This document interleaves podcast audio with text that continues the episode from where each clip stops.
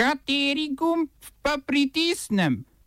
Tisti, na katerem piše OF.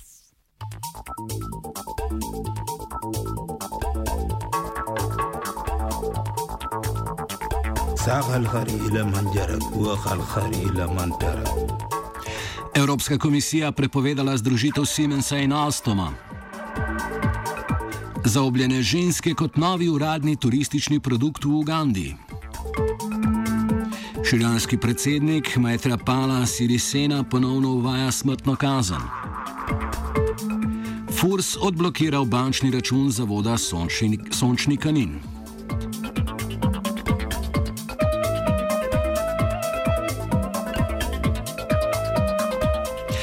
Francoska vojaška letala so z bombnim napadom uničila 20 vojaških tovornjakov najaktivnejše čadske uporniške skupine Zveze uporniških sil.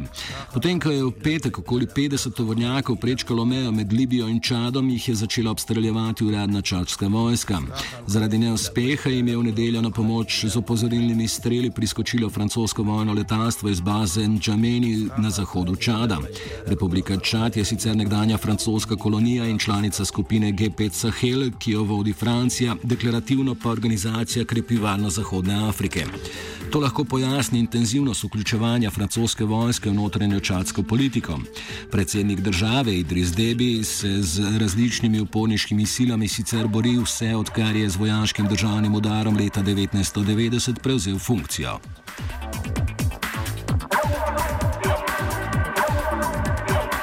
Ministrstvo za turizem Republike Uganda je na seznam turističnih znamenitosti uvrstilo zaobljene in seksi ženske. V ta namen minister Godfrey Kivanda organizira tudi lepotno tekmovanje Miss Curvy Uga Uganda, ki bo predstavilo nov turistični produkt. Turizem je namreč lani v Ugando pritegnil največ tujih investicij, vlada pa ga poskuša nadgraditi z občudovanjem zaobljenih in ne več suhih deklet. Minister za turizem je na tiskovni konferenci poskušal ta obrat estetiki uganskih žensk ponazoriti s primerki zaobljenih žensk, ki jih je pripeljal s seboj.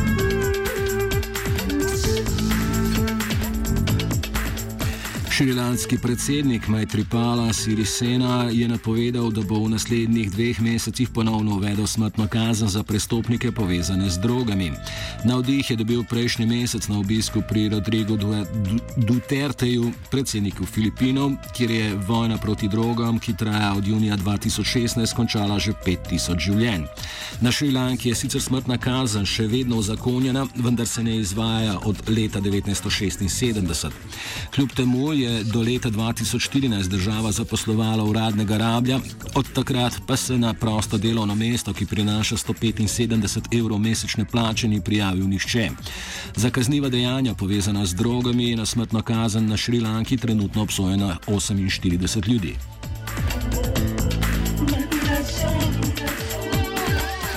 Predsednik Rusije Vladimir Putin je podpisal odlog, ki bo olajšal vstop v državo turškim podjetnikom in poklicnim voznikom. S tem naj bi Rusija povišala prihodek turistične industrije z trenutnih 9 milijard evrov za vsaj 2 milijardi. Ukrep vezan na turške državljane je bil sprejet v luči strategije razvoja turizma do leta 2035, ki jo je konec preteklega meseca predstavil Putin in kaže na izboljšanje odnosov med državama. Potem, ko je turška vojska novembra 2015 se strelila ustrelila rusko vojno letalo zaradi kršenja dogovora o meji med Turčijo in Sirijo, je Rusija vzpostavila sistem ekonomskih sankcij proti Turčiji.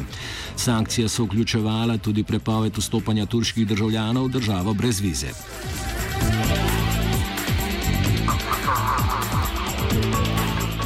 Evropska komisija je izglasovala prepoved združitve nemškega konglomerata Siemensa in francoskega ponudnika železniških storitev Alstoma. Podjetji sta si, sta si za združitev prizadevali z argumentacijo, da je nujno ustvariti konkurenčni trg, ki bi tekmoval z največjim železniškim podjetjem na svetu CRRC. Z Kitajske nemški ekonomski minister Peter Altmaier opozarja, da bo prepoved združitve Evropsko unijo oškodovala za 100 milijard vrednih naročil naročil po celotnem svetu. Članov Evropske komisije pa kitajska konkurenca ne skrbi, pomembnejša se jim zdi nevarnost, ki jo predstavlja možnost monopolizacije ob združitvi tako velikih podjetij. Zavračajo tudi primerjave z ustanovitvijo podjetja Airbus leta 1970 z namenom tekmovanja proti ameriškemu podjetju Boeing, ki je takrat, za razliko od CRC-a, danes prevladoval na evropskem trgu. Več v današnjem offsajdu o petih. Oba, če, če bom odgovoril na angliški. Slovenija bo poskušala pomagati. Slovenija bo naredila svoj utmost, da bo rekla, da je situacija naš problem, ourselves. In da bomo naredili nadaljnje korake, as soon as the conditions are. Bomo vlado Marjana Cererja Šarca podprli. Zelo, zelo resno. From Slovenija. We know how and we will. Finančna uprava Republike Slovenije, krajše FURS, je odblokirala bančni račun zavoda Sončni Kanin, ki zamuja s plačilom davščin v višini več kot 80 tisoč evrov. Do tega je prišlo, ker se je 100-odstotna lasnica zavoda, občina Kanin, zavezala, da bo do 14. aprila letos odplačala dolg, če zavod ne bo sam sposoben pokriti obveznosti. Zaradi slabega začetka sezone si je zavod nakopal še dolg v višini 160 tisoč evrov do dobaviteljev in okoli 80 tisoč evrov stroškov za izplačilo decembrskih in januarskih plač. Hkrati se zavod srečuje s kadrovskimi težavami, saj so ponovili razpis za direktorja, ko je edini edini ustrezen izmed treh kandidatov ta teden kandidaturo preklical. Sicer pa predsednik sveta zavoda Sončni Kanin Miha Sotler napoveduje preoblikovanje javnega zavoda v javno podjetje, če se bo s tem strinjal občinski svet.